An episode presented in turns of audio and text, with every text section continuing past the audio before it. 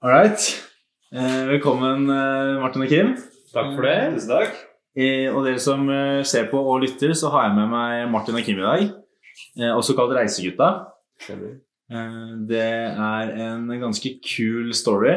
Eh, jeg har jo selvfølgelig fulgt med på sidelinja, og dere har jo reist verden rundt som to kompiser og produsert innhold for ulike brands og eh, reisebyrå. Ja, stemmer.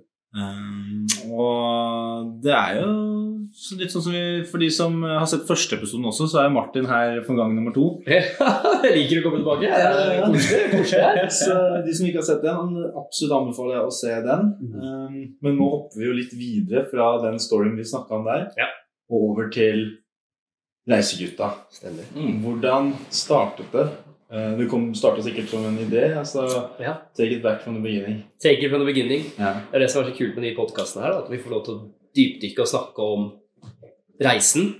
Så en liten sånn eh, spoiler alert. Hvis du følger med på hele denne episoden her, så kommer vi til å prate litt om hva Reisegutta skal gjøre nå fremover. Det er mye, mye som uh, er vært planlagt, men vi skal først starte litt med historien. Historien. Ja, ja. Så, så det er veldig kult. Vi har noen planer for 2022. Men uansett, da. Hvor begynner vi, Akim? Ja, Hvor langt tilbake må vi faktisk? Må jo, skal vi gå enda lenger tilbake enn da vi faktisk starta? Ja, det syns jeg. må vi. Vi må det. Hvordan ble du og jeg kjent? Ja, hvordan ble du og jeg kjent? Det var jo helt tilbake til ungdomsskolen. da. Ja. faktisk. Uh... Vokste opp i Nittedal, begge to. På ulike barneskoler, men på ungdomsskolen så møtte vi på hverandre i gangene. Ja. Det var vel egentlig alltid Jeg selv har alltid vært en litt sånn derre klovn. da. Ja, det har du. Skulle alltid eh, gjøre morsomme ting, og det morsomste, morsomste var jo at Martin også Han, han filma jo det. Ja, ikke sant? Det var der det begynte. Jeg fikk jo låne gi big shout-out to Keim, Pål Simen. Jeg fikk jo alltid låne de nest nyeste telefonene, for han hadde alltid den nyeste telefonen. Jeg fikk alltid låne telefonene hans når han hadde brukt den i en måned. Og da fikk jeg det beste kameraet. Jeg var alltid ute etter å filme, og Kim var alltid den som gjorde de crazy tingene. Som å henge fra taket, og noe planking var en greie, og sånne ting. Så det er vel bare Vi var sikkert flere ganger løpet løpet av klasserommet for å filme ulike ting. Ja, ja, ja. Greier. Vi var jo ikke i samme klasse nødvendigvis, men vi hadde det veldig mye gøy sammen. da. Og da husker jeg vi Vi dro det bare videre og videre, videre og så dro, hadde vi jo kristelig konfirmasjonscamp.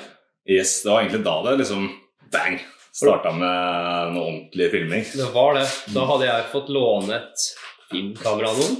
Jeg hadde jo ikke blitt konfirmert ennå, men jeg hadde fått låne et filmkamera. Jeg tror det var Vetle Mellum. Og det var jo eh, teip på hele pakka, tror jeg. Jeg tror ikke det var SD-kort engang. Og så filma vi hele konfirmasjonscampen og lagde episoder, da. Fire episoder. Og folk og Det her posta vi på Facebook. Må jo ha vært 2010 eller et eller annet. Ja, 2012 er ja, Vi konfirmerte i 2009. Så, det Så det var i 2009. Ja. Facebook var jo ganske nytt, og de hadde videofunksjon, og vi la ut alle videoene der. Og så når vi da ble konfirmert, så fikk jo jeg konfirmasjonspenger. 30 000 eller noe. Og jeg mye penger på den tida. Så slang alt inn i et nytt kamera. Så kjøpte jeg sånn Big Boss, det store kameraet som folk liksom tenker på når de Som du har liksom på skulderen? Ja. Sånn. Omtrent, altså.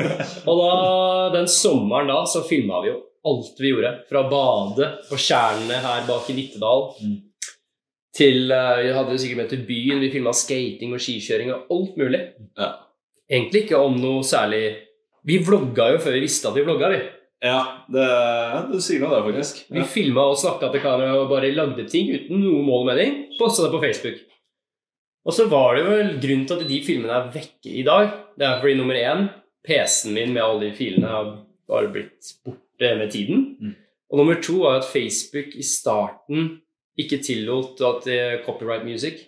Mm. Så jeg husker jeg våkna en dag, og hele Facebooken min ble sletta med alle videoene og hele pakka. Mm. Så altså, de videoene fins jo ikke i dag, da. Men vi gjorde jo content for kjærligheten av det. Jeg tror det er liksom det som er litt i bånn her, da. Mm. At det begynte sånn. Ja. Og så tenk, tror jeg ikke tenkte så mye mer over det. Og så drev jeg litt parallelt med freestyle skikjøring. Ja. Filmet litt på det også. Og så flyttet jeg til Hawaii, Mm. som vi touchet på i din podkast. Mm. Og da kan jo du fortelle ditt perspektiv når eh, Martin Ja. reiser til Hawaii. Ja, Martin fortalte at han skulle flytte til Hawaii. Da var det sånn der, wow, kult. Um, så gikk det en liten periode. Jeg hadde blitt nysingel, uh, hadde begynt å studere. Så tenkte jeg Fader. Jo, jeg så jo først at Benjamin Mm. var og besøkte deg. Stemmer. stemmer. Så da tenkte jeg det der må jo jeg også gjøre. Jeg kan ikke gå, la den muligheten der gå fra meg. liksom. Uh, kompisen din studerer på Hawaii og bor gratis og bare ta det litt piano. Ja. Så da endte det med at jeg bestilte meg en fly, flybillett da, og besøkte Martin. Det, Surprise visit. Ja, det var andre gang. det. Ja, han kom to ganger. Han. Første gang som kom, så sa han han skulle komme. Ja. Ja. Nei, altså det, det angra jeg i hvert fall ikke på. Så det var uh, Det hadde jo Martin allerede blitt innført i dette med Instagram og sånne ting. Mm. Så det um, Det var ganske sjukt. eh, Du vokste jo insane på Instagram eh, den lille perioden du var der. Yes, riktig. Kan vi prate litt om hvordan dere klarte det? Altså, Ja. hva, hva, hva skjedde egentlig der? Absolutt. Det er som hvis du lærer noen å fiske, så plutselig får du mye fisk sjøl. Ja. Vi lærte teknikkene fra andre i Hawaii, og hvordan man skulle gjøre det. Eh, og på den tiden så var det liksom veldig mye du kunne gjøre på Instagram som du ikke kan gjøre i dag. da. Du kunne følge for å følge, like for å like, like for å få følgere, være med i eh, engagement groups. Altså Vi hadde en gruppe på sånn 100 stykker når noen posta et bilde. Så var alle med og hjalp, og, og du boosta mot algoritmen. da. Yes. Så vi hjalp hverandre. Og det var et sånt community på Hawaii som eksisterte. Mm. Hvor alle så litt sånn som folk så med krypto i kanskje nå i 2021, hvor dette skal. Mm. Og da alle vi bare genna, vi la inn all tiden vi hadde da. Ja, For dere la inn sinnssykt mye tid. Ja. Det var ganske nytt. Ja. Det var mye hype rundt det. Algoritmen, eh, for de som ikke vet hva det er, så er det på en måte den der matematiske koden i bånn. Riktig bak Instagram. Ja, Som gjør at du, flere folk ser det. Ja. Eh, det var jo på en måte tilrettelagt. eh, sånn at det, når dere peisa på, så fikk dere bygge ut den. det Ja. var det var ikke så mye competition heller. da. Altså Vi var jo i var jo 2015 20, 2015 var det jeg studerte der. Ja. Tror du hadde kommet og søkt meg? Da var Instagram liksom helt nytt, da, på en måte. Mm. I hvert fall på den, den fronten vi opererte. Og det handlet om å ha du må, Det er litt sånn som det fungerer i dag også. Du må ha en utrolig vakker feed og et veldig sterkt budskap på hva er det du driver med. Hvorfor skal noen følge deg? I liksom 2015. Vi hadde utrolig flotte bilder fra Hawaii som viste gutta kose seg litt i toppis. Ja, for det er også en annen ting. vet du. På den tida Mm. så har det ingen altså Alle har hørt om Hawaii. Alle Mm. har sett videoer, liksom. Mm. Eh, gamle videoer som er filma fra. Ja. Men det er ingen som har sett noen leve livsstilen Nei, sånn som dere prosta da. nei, riktig. Så dere var på en måte rett sted til rett tid og benytta dere av muligheten. da. Hvor dere gønna på å la en side backa opp også, da. Med hardt arbeid. Ja, helt riktig. Og Kim var jo der i Nei, jeg var, jeg, jeg, jeg, Men du var på Hawaii. jeg var på Hawaii kanskje et halvt år. Hadde posta bilder fra Hawaii et halvt år. ikke sant? Måtte jo bare mate det man hadde. Det var helt sykt. Så, så Kim var jo på Hawaii med oss, selv om han ikke var på Hawaii med oss. Hva, hvordan, hva slags type suksessfaktor var det du opplevde bare det halvåret? da? Typ i form av følger og engagement, og hva slags muligheter kom det ut av det? Nei, du, du fikk jo Det var jo brands da som begynte å kontakte deg om at de hadde lyst til å jobbe med deg, og at du skulle poste bilder og videoer da, av deres uh, brands og sånne ting. da. Så det, det synes jeg det var det kuleste. At du liksom du fikk gratis ting. da. Mm. Det synes jeg var dritkult. Og faen, hey, gratis proteiner og gratis klær, gratis T-skjorte, klokker. Ja. Danny Wellington var jo helt rå på det der kjøret der. Så Alle det- skulle teste influencer marketing i 2016. ikke ja, så det, nei, det syns jeg nok var det kuleste. At du, liksom, du fikk muligheten da, til å ja, øh, jobbe for disse brandsa. Da. Mm. Eh, men da var det liksom Det var greit, da. Du var såpass uh, liten, så da var det greit å liksom få ting i bytte mot bilder. da. Ja. Og etter hvert som du begynte å vokse, så ville du jo også tjene penger på dette. Mm. Det er superinteressant. Altså, dette er jo første gang hvor mannen i gata kan bygge seg et audience på den måten, Mm. og bli aktuell for brands da, uten noe mellomledd. Ja, helt insane. Brandet tok direkte kontakt. Ja. Eh, og ja, så kom han jo Jeg fortsatte å gjøre det her og bygge YouTube samtidig. For jeg hadde fått med meg at YouTube-video det har alltid vært veldig god. Og det føler jeg er et steg to. Veldig mange kan være flinke på å poste bilder. Men det krever en ekstra liten push og personlighet for å gjøre det like bra på video. Ja. Så per dags dato er YouTube min største plattform, og det er der jeg tjener 90% av pengene mine. Mm. YouTube er liksom her oppe, da. Men uh, den gangen så var det Instagram vi pusha veldig veldig hardt. Det, var, det er enklere å bygge en Instagram raskere enn en YouTube. Men så kom det til et punkt hvor YouTuben tar deg igjen. Og det tar kanskje fem år, da, sånn jeg har opplevd. Men uh, så kom Kim en andre gang, og da hadde vi jo holdt på der nede i et år, tror jeg, i Hawaii. Ja. Når du kom gang nummer to, ja. så hadde vi lært enda mer. Så hver gang Kim kom ned var i den sirkelen med de gutta som jeg også jobbet med hardt der nede, så ble det liksom sånn kunnskapsdeling. Mm. Uh, og Kim passet så godt i det miljøet da, som vi hadde der. ja, jeg følte jeg sklei ganske greit unna. Ja. Vi hadde det kjempegøy. Og det, igjen, det var fashion samtidig som vi gikk på college ikke sant? og studerte. Uh, Og så kom jo den store dagen hvor jeg ble ferdig uteksaminert etter to og et halvt år. da. Nå har jeg fått to og et halvt år på meg til å bygge et grunnlag for hva jeg skal gjøre videre. Var du to og et halvt år Hawaii? Ja. Okay. To og et halvt år. Bachelorgrad i massekommunikasjon. Ja. Og jeg og Kim har holdt kommunikasjon hele tida og sånne ting. Og så kommer jeg hjem til Norge, og så får jeg litt den der følelsen jeg egentlig sitter med nå. Wow! Det er, det er fint her, men hva skal jeg gjøre nå? Det er ikke, det er ikke like lett å bare Du, du, må, du må tenke helt annerledes da for å lage innhold her i Norge. Isbading er dødskult. Du må ha ting som imponerer ikke sant? på en annen måte. Sånn som du driver med isbading. Kjempekult. Men jeg sleit litt, skal jeg være helt ærlig, når jeg kom hjem til Norge med å, skjønne hvordan jeg skulle nå jobbe videre med det her. Jeg var ikke inspirert, ikke sant. Jeg mistet inspirasjonskilden min. da. Samtidig så drev jeg Kim og pratet mye om hvordan, hva skal vi gjøre videre.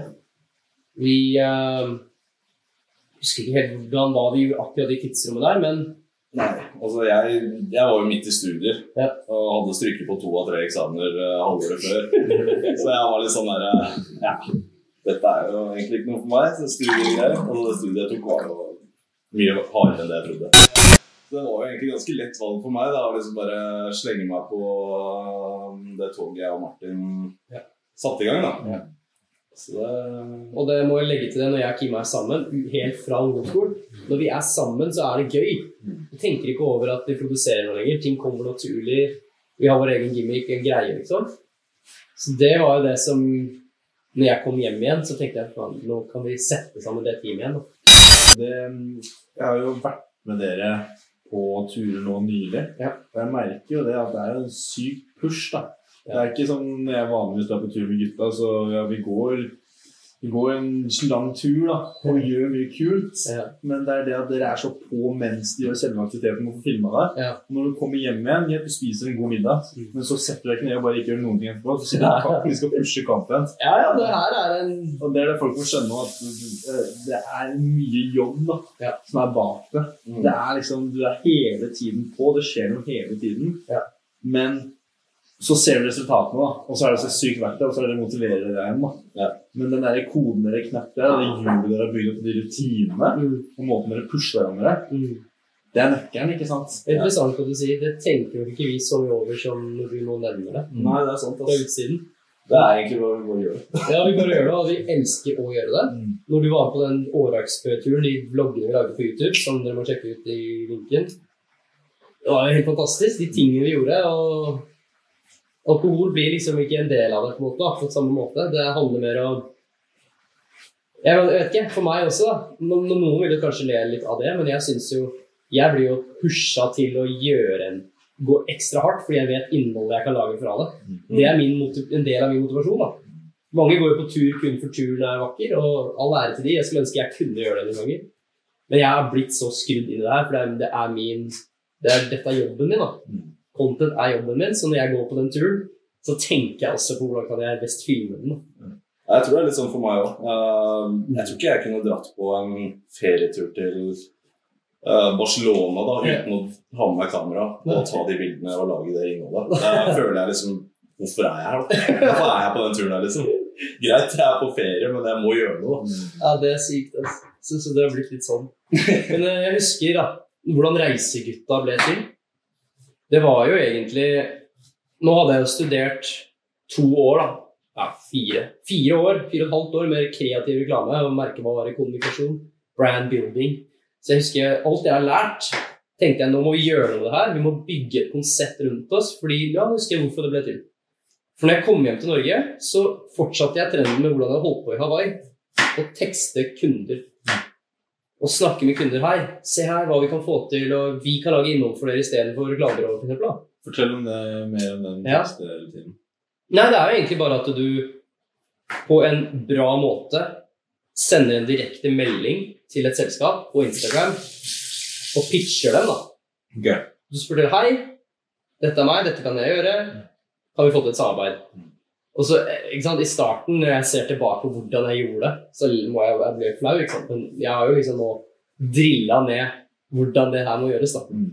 Og jo mer følge du har, jo mer kredibilitet vil det føre til. ikke sant? De ser på følgerne, så ser de på innholdet og tenker de, ok, han her har peiling. La oss, Her har du en e-mail, ring oss, eller så gjør vi noe mer.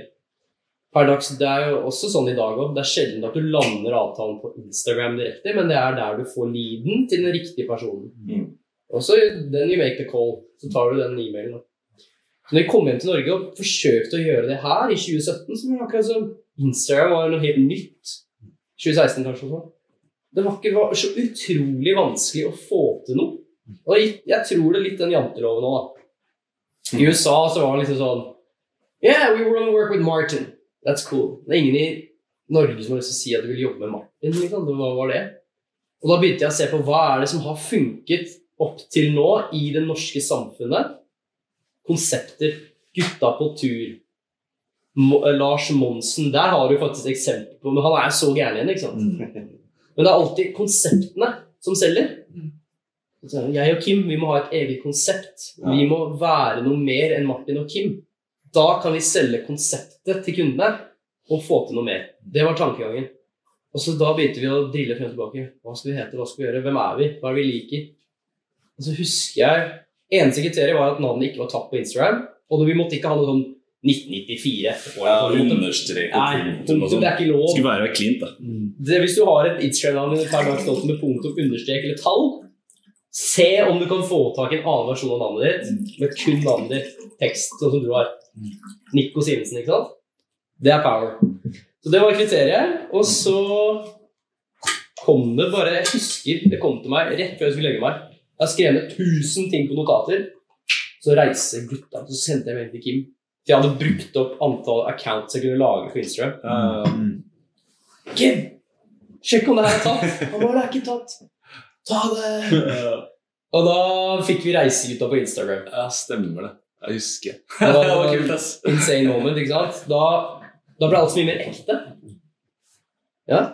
ja. Så da var det jo reisegutta. 1.1.2018 ja det var kanskje det. Var det 1. januar 2018? Yes. Oh, wow. Og da, når den, dere får det, lager det konseptnavnet, da, mm. og dere har det konseptet der dere er på tur, Mm. hvordan starter grinden? Eh, Fordi dere, du har jo momentum, dere har begge momentum. Ja.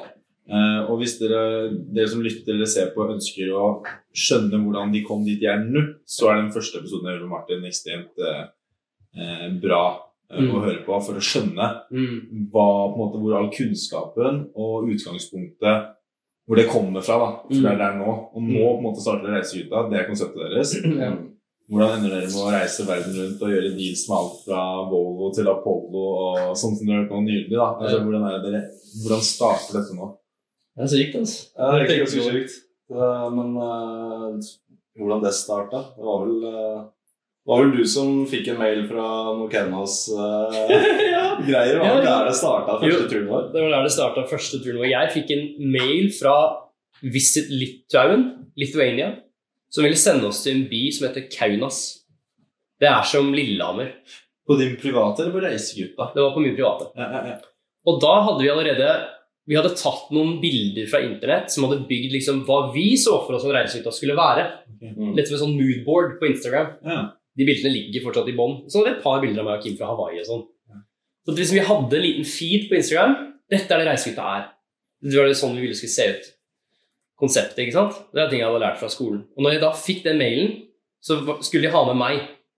Så ja, ta med bestekompisen min, da. Vi har et konsept som heter Reisegutta. Så kan vi reise sammen, og så kan vi lage innhold fra byen deres. Og så sa de ja. Mm. Og det var da Reiseguttas første avtale med Visit Lithuania.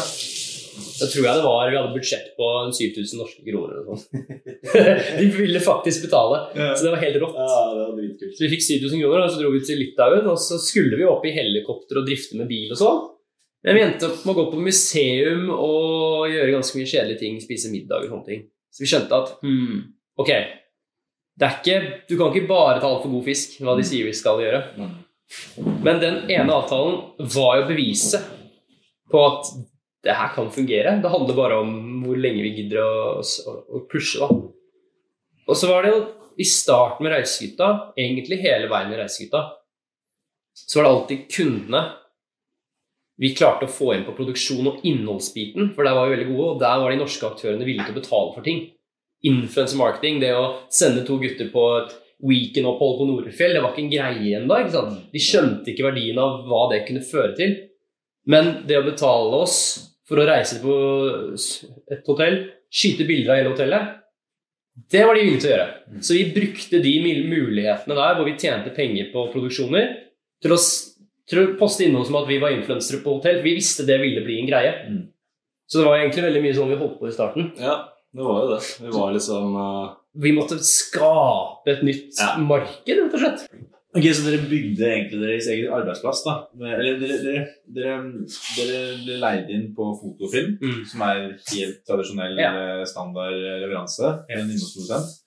Men så i tillegg produserte dere content og pusha sosiale medier. da, Og Ja. at-tagga og Ja. fikk øyne på det. Riktig. Og liksom dere, dere ga uten å forvente å få noe tilbake i starten. da. Absolutt. Ja, ja.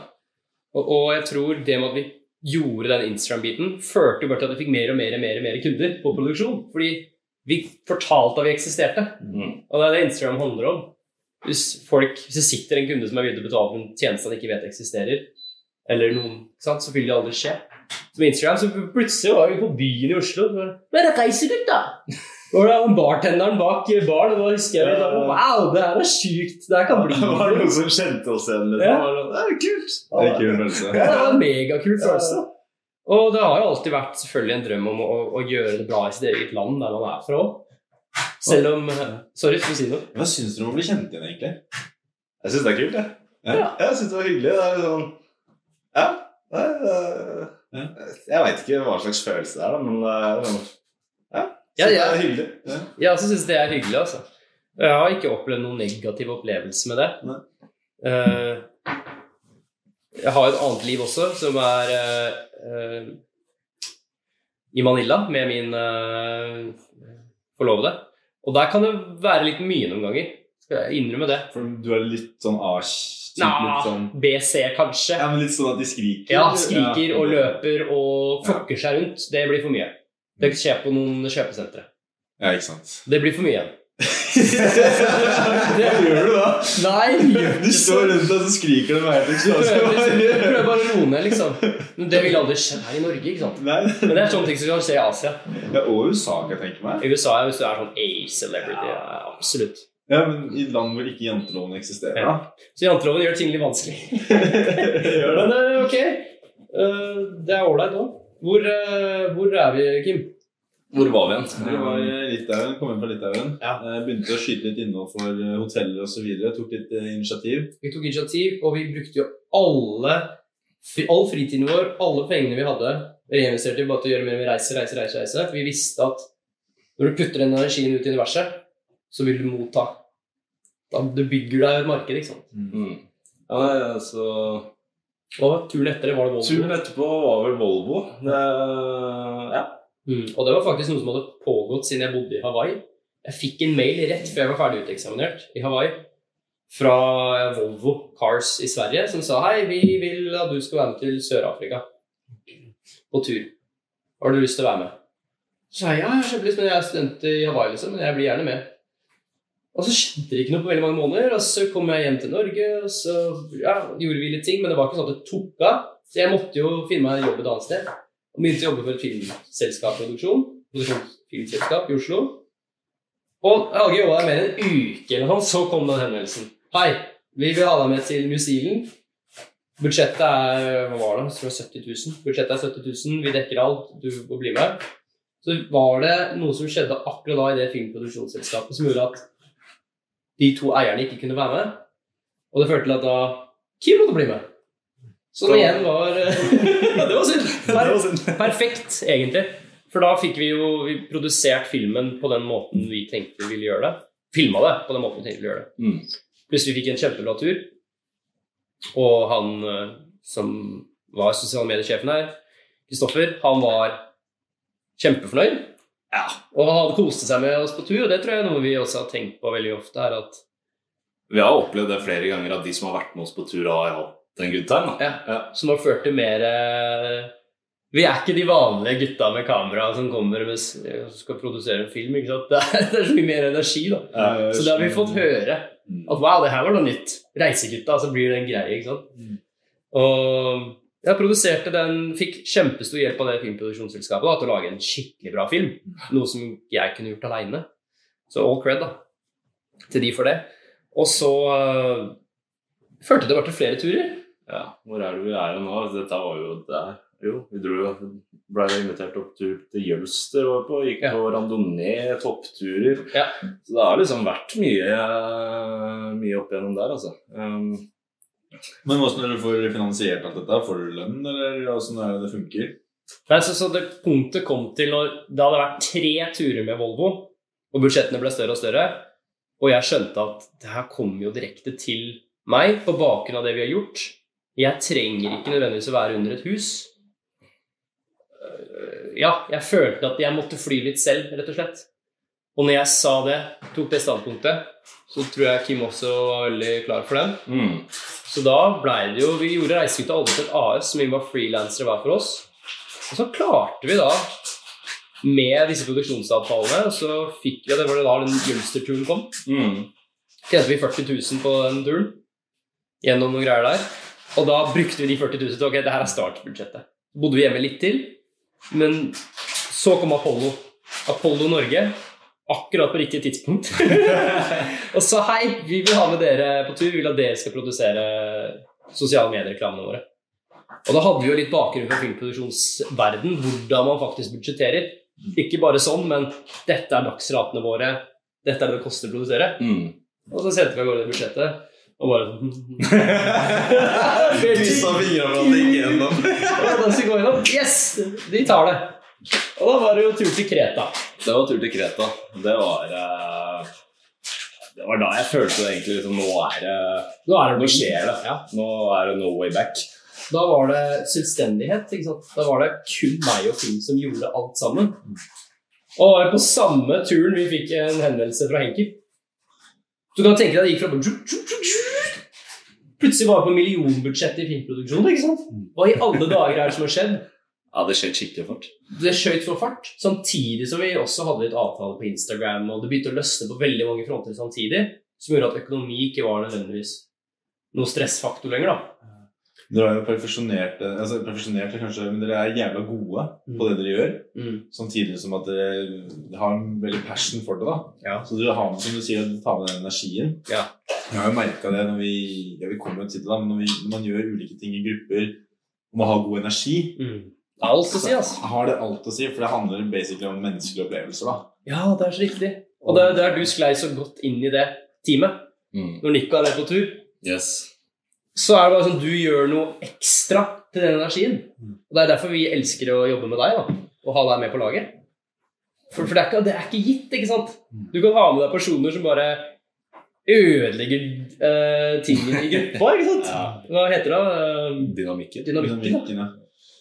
Og det, og det det er eh, Det tror jeg er nøkkelen til mye av for at det kommer. Mm. Eh, Som du sier, det du putter inn, det får du tilbake. Ja. Og nå har du liksom gått gjennom den der. Mm. Og så Volvo, og så Henkel, da. Ja, det var sykt. Og det var da, det snakket vi om i podkasten. Mm. Da tok vi med deg som øh, produksjonsleder, øh, fixer, alt mulig.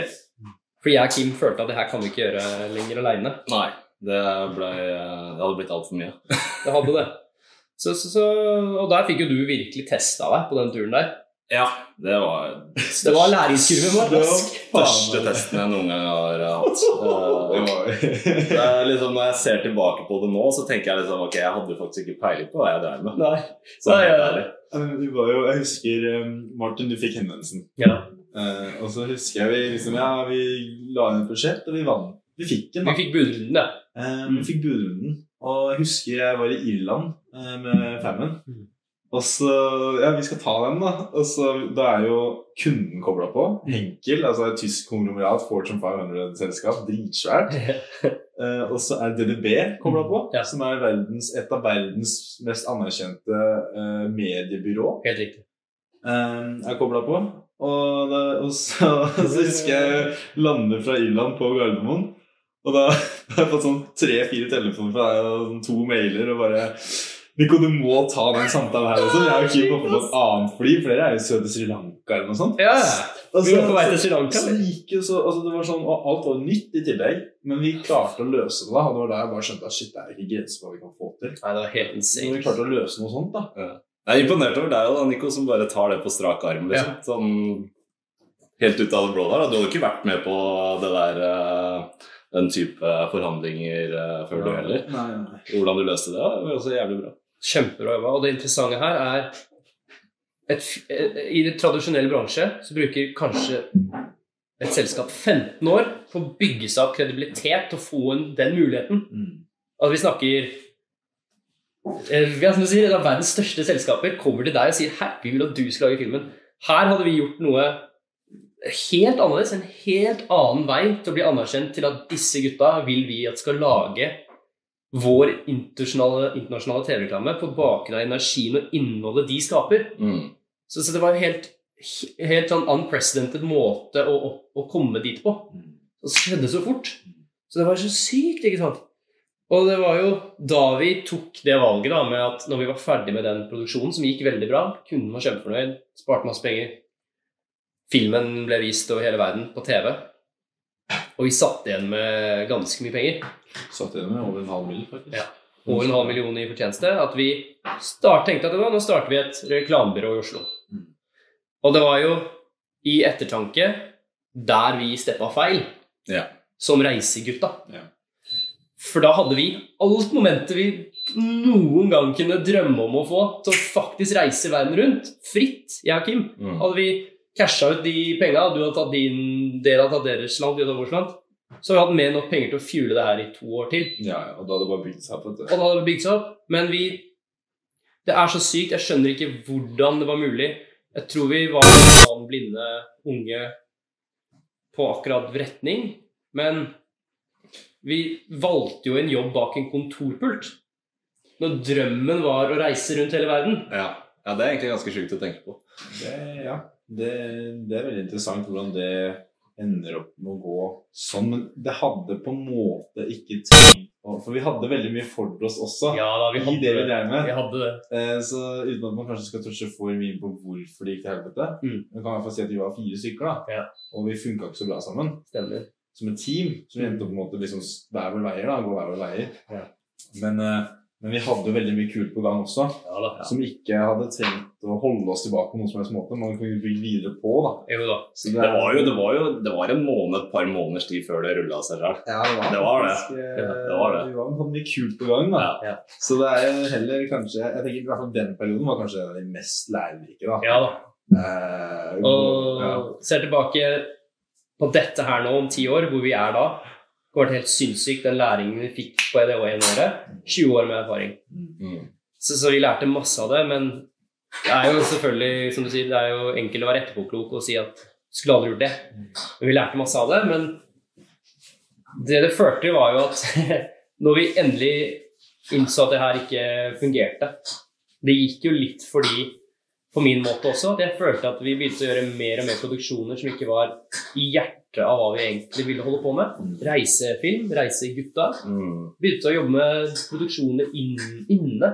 Ja, eventer og Studio, sånne eventer. ting. Du, Ja. du gjør ting kun fordi du har et større selskap du må betjene. Du gjør det for alle andre, for at alle skal ha lønninger og dritt. For å være helt ærlig. Og det, det er da gnisten gikk ut av meg. Når du holder på med noe som ikke er passion lenger. Mm. Og vi lagde jo alle innhold til Reisegutta lenger. Nei, den kontoen døde jo til slutt rett ut. Den gjorde det? Ja. Og vi hadde liksom avisartikler på forsider. ja. Og reiser ut reiser rundt hele verden og gjør ting. Så bare drepte vi det, liksom. Det var litt sånn trist, da. Og da når vi tok valget om å gå ut, så tok jeg også valget om å gå 100% inn i reisedrømmen igjen. Det var ikke riktig da for Kim å bli med akkurat da. Nei, det var uh... Vi hadde et par lån vi måtte betjene. og sånne ting. Så det var litt eh, mye litt eh, penger som måtte betales tilbake og litt sånne ting. Så det, det var uh... Men altså, det, det var jo på vei oppover for min del da, Ja. etter uh, i, i starten av 2020. Ja. Det, jeg fikk jo litt jobber her og der, og ting så veldig, veldig lyst ut da, for at jeg skulle få lov til å Absolutt. bli med Martin videre. Absolutt. Men eh, så eh, Jo, jeg fikk jo faktisk en henvendelse fra Visit Dubai Mm. om at de ville ha med meg, og da fikk jeg litt sånn bakoversveis. Så Kødda. jeg for den der, liksom. Det er Martin som pleier å få de der, eh, der liksom. Det er ikke kult. Da Dritkult. takka jeg jo ja til dette. og Da var liksom i forhandlingene med hva jeg skulle gjøre for dem. og mye Sånne ting. Og så pang!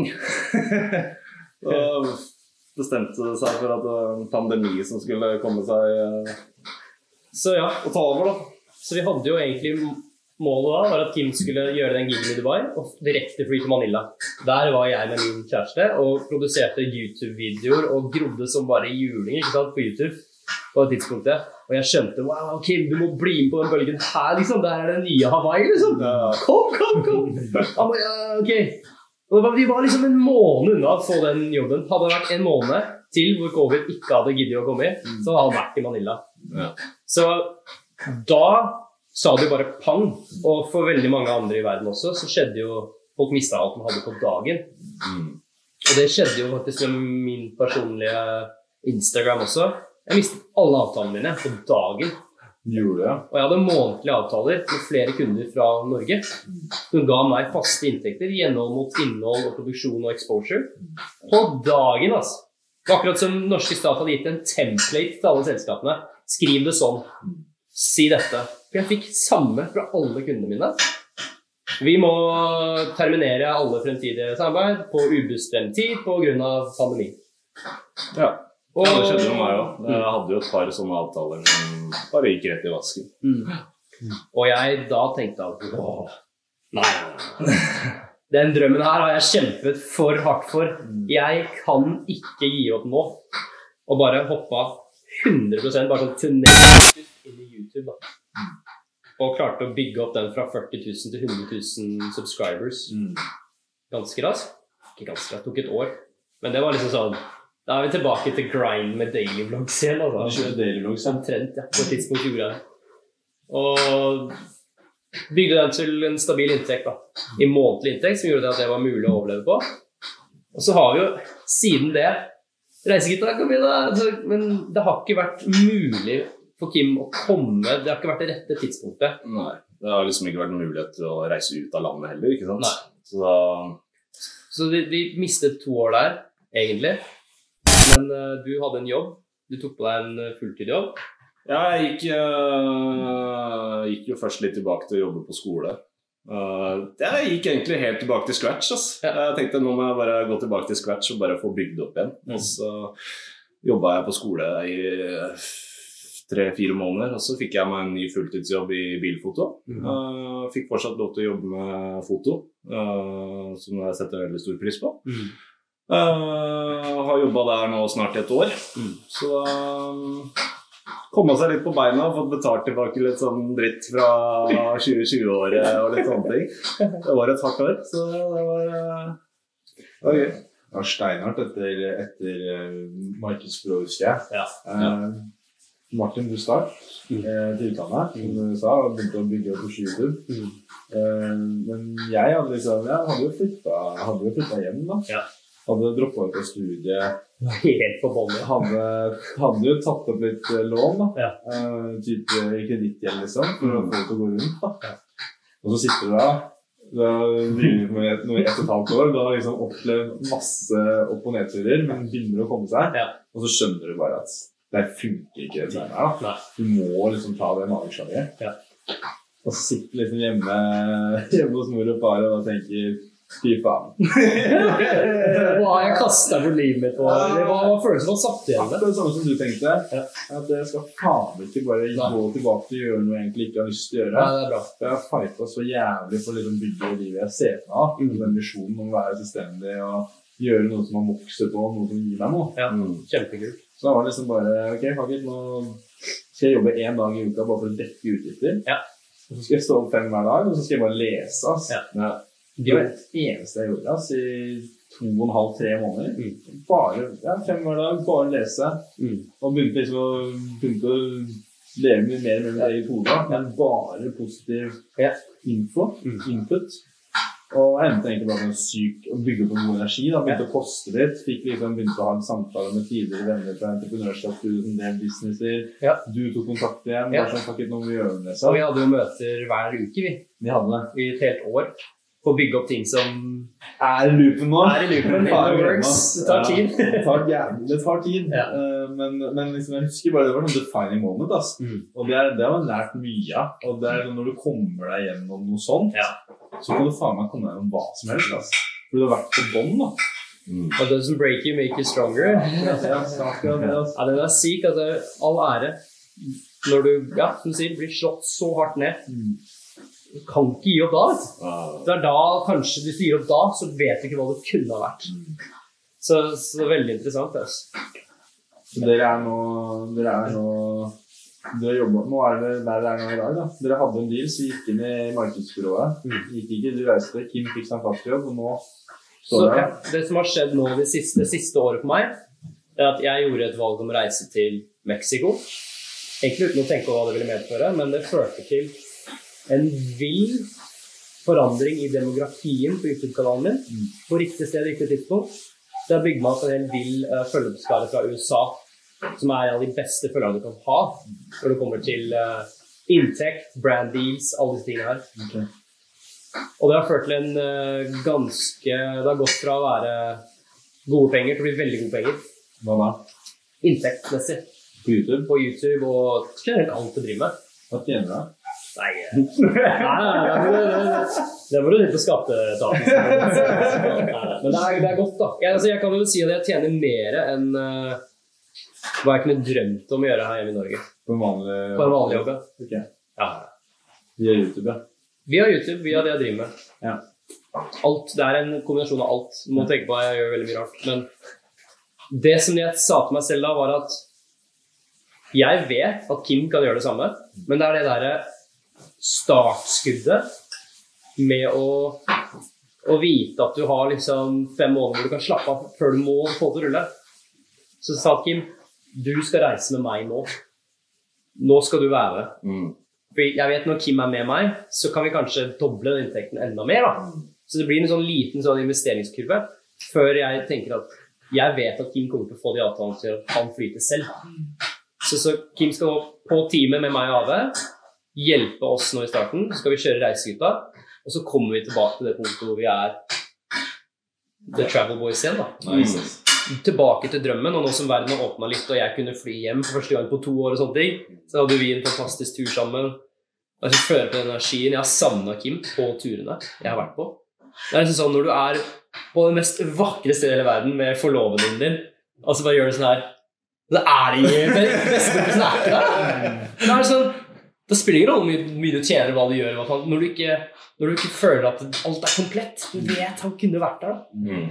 Så, så det er liksom det jeg tenker, da. At uh, Kim passer inn i teamet, og eh, ja, bare sånn Vi har bare så vidt begynt å putte litt energi inn i det. Kim Ja. kommer allerede. ikke sant? Ja, det er helt vilt. Får mailer fra folk som har lyst til å jobbe litt igjen, og sånt, så det er kjempegøy. Ja. Så ja, kanskje, kanskje, kanskje ikke trenger å investere så mye. Kanskje bare flyr, flyr av seg sjøl. Ja. Men ja, det er det som jeg har sagt til Kim. da, Jeg er litt inspirert av den eh, Biggie-filmen. Notorious B.I.G. Når han endelig klarte det som rappestjerne, Mm. så tok han med helt teamet. ikke sant? Mm. Så, så da, Du må ha den ene i spissen som kan si da, kom an, nå gjør vi det her.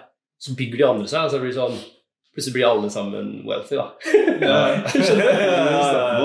Ja, det er en unstoppable force, og du må dra med den gode energien. De menneskene du liker.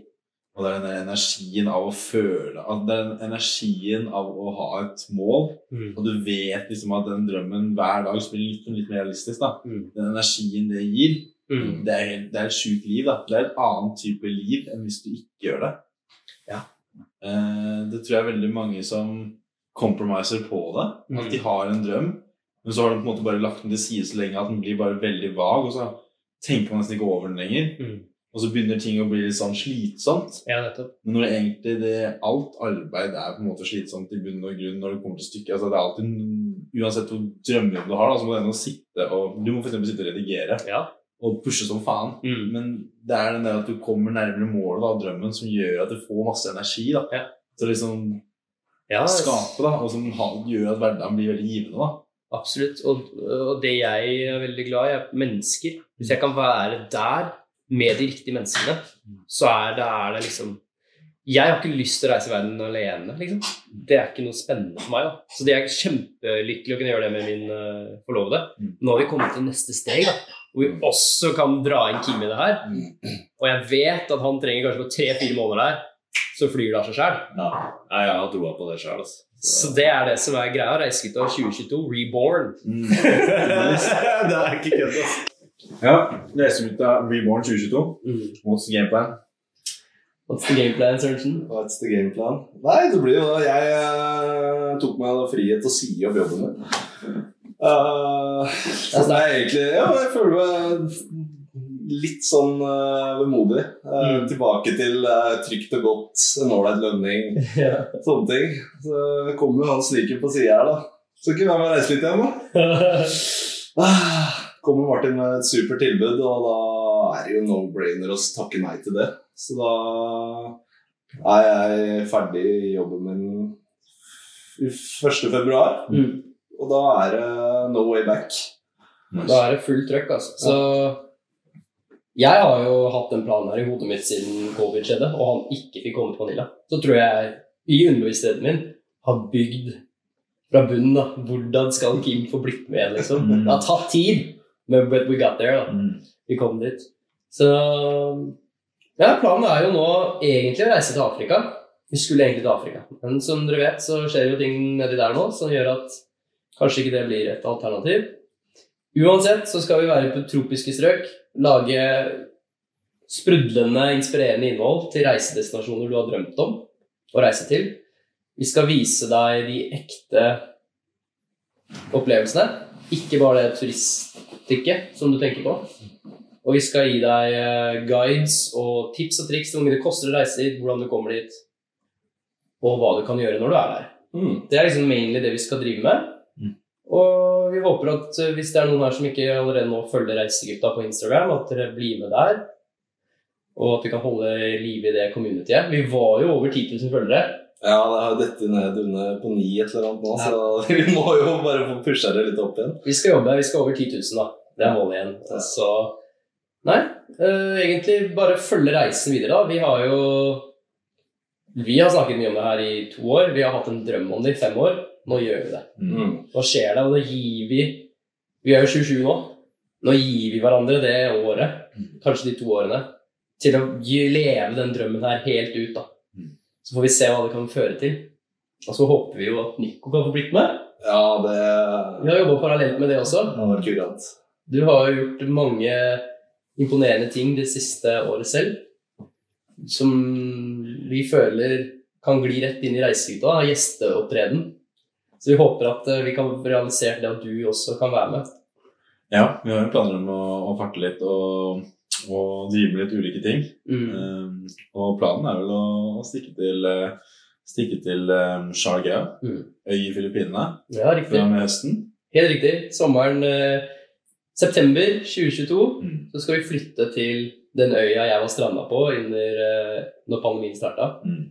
Og så skal vi bo der sammen i fem-seks måneder. Det blir helt rått. Det blir helt sykt, liksom. Det kan forandre livene våre totalt. Og det er det målet vi jobber mot nå, da, som en gulrot til dere som har sett på eller hørt på helt til nå. Så er det det som er det endelige målet vårt. Mm. Å kunne samle den gjengen her, gi det For det er veldig, veldig dyrt å reise Mm. fulltid. Men hvis du flytter en øy i Filippinene, så kan du leve på 4000-5000 kroner i måneden. Altså. Så det kan bli mye mye billigere. Så vi på en måte kan Det blir startskuddet. Det blir ditt Hawaii, da. Mm. Så skjønner? Mm. Og så har vi pratet litt om det. Det blir Nikos Hawaii. Det blir det. Nikos mulighet til å kunne, altså, kunne liksom reise enda mer. Mm. Så jobber vi på litt eh, nettbaserte brands Mm. som vi håper vi kan få lansert Mm. innen da. Mm. Mye kule greier. Mye kule greier. Så, så, så vi, vi har et par baller i luften, og alt leder jo mot målet om at vi skal kunne være uavhengig av en arbeidsplass. Mm. Vi kan reise og, og ha et opplevelsesrikt liv samtidig som vi jobber veldig, veldig hardt. Og jeg tenker mye av fundamentet for å kunne gjøre det vi gjør nå, og ta sånne helomvendinger og bare hoppe i det, Mm. er at vi har på en måte gitt opp veldig mye av den eh, tanken om trygghet Ja. i form av å ofre ja, drømmer og, og mål da, mot f.eks. noe som er trygt og sikkert. Mm. Det er klart Det trygge og det sikre har sin pris, det også. Mm. Du vet du får penger, du vet du kan spare til hus, du vet du liksom kan, du kan planlegge ti år frem i tid. da. Så du vet du klarer å dekke kostnadene, liksom. Men er det det du vil? Det er det man må spørre seg om, da. Um, jeg husker når jeg, liksom, når jeg sa opp det tradisjonelle, da. Typ, jeg føler det defining moment var jeg sa opp studiet. Mm. Selv om jeg alltid kunne hoppa på igjen, så sa jeg nå. Og det var sånn Da har jeg tatt den altså, Da har jeg bare valgt risiko, da, og follow the passion. Mm. Nå koster det meg ingenting å ta en liten 360, da. Det er sånn Og bare gønne en ny retning. Eh, og det, det gir meg så mye også. Mm.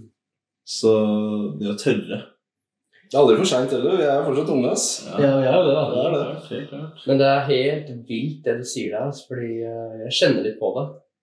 Og jeg, jeg tror jeg har som en mål om å komme hjem i løpet av nå neste året. Det har allerede gått veldig bra. Men nå liksom Nå, ass.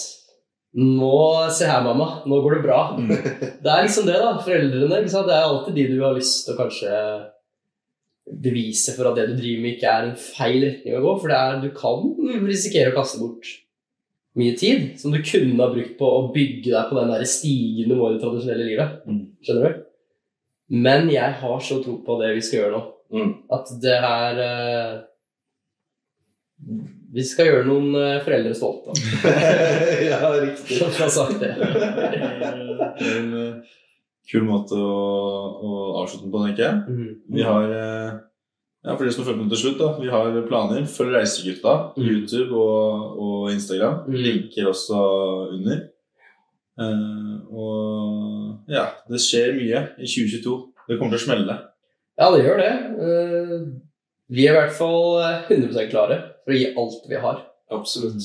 Trodde du hadde sett mye, men nå Dette er gutta som ikke er redde for å, å teste ut nye ting og, og hoppe i det. Eh, og som har møtt på veggen flere ganger, og som uh, har kommet seg opp igjen. da Og som bare tråkker vei hele fuckings tida. Og det er faen meg inspirerende. altså. Mm. Kult, ass. Ja. Tusen takk for at vi fikk være med på podkasten din, Nico. Veldig hyggelig, Nico. Kult å ha deg med. Det er Dritkult. Right. Takk for at dere hørte på. Adios.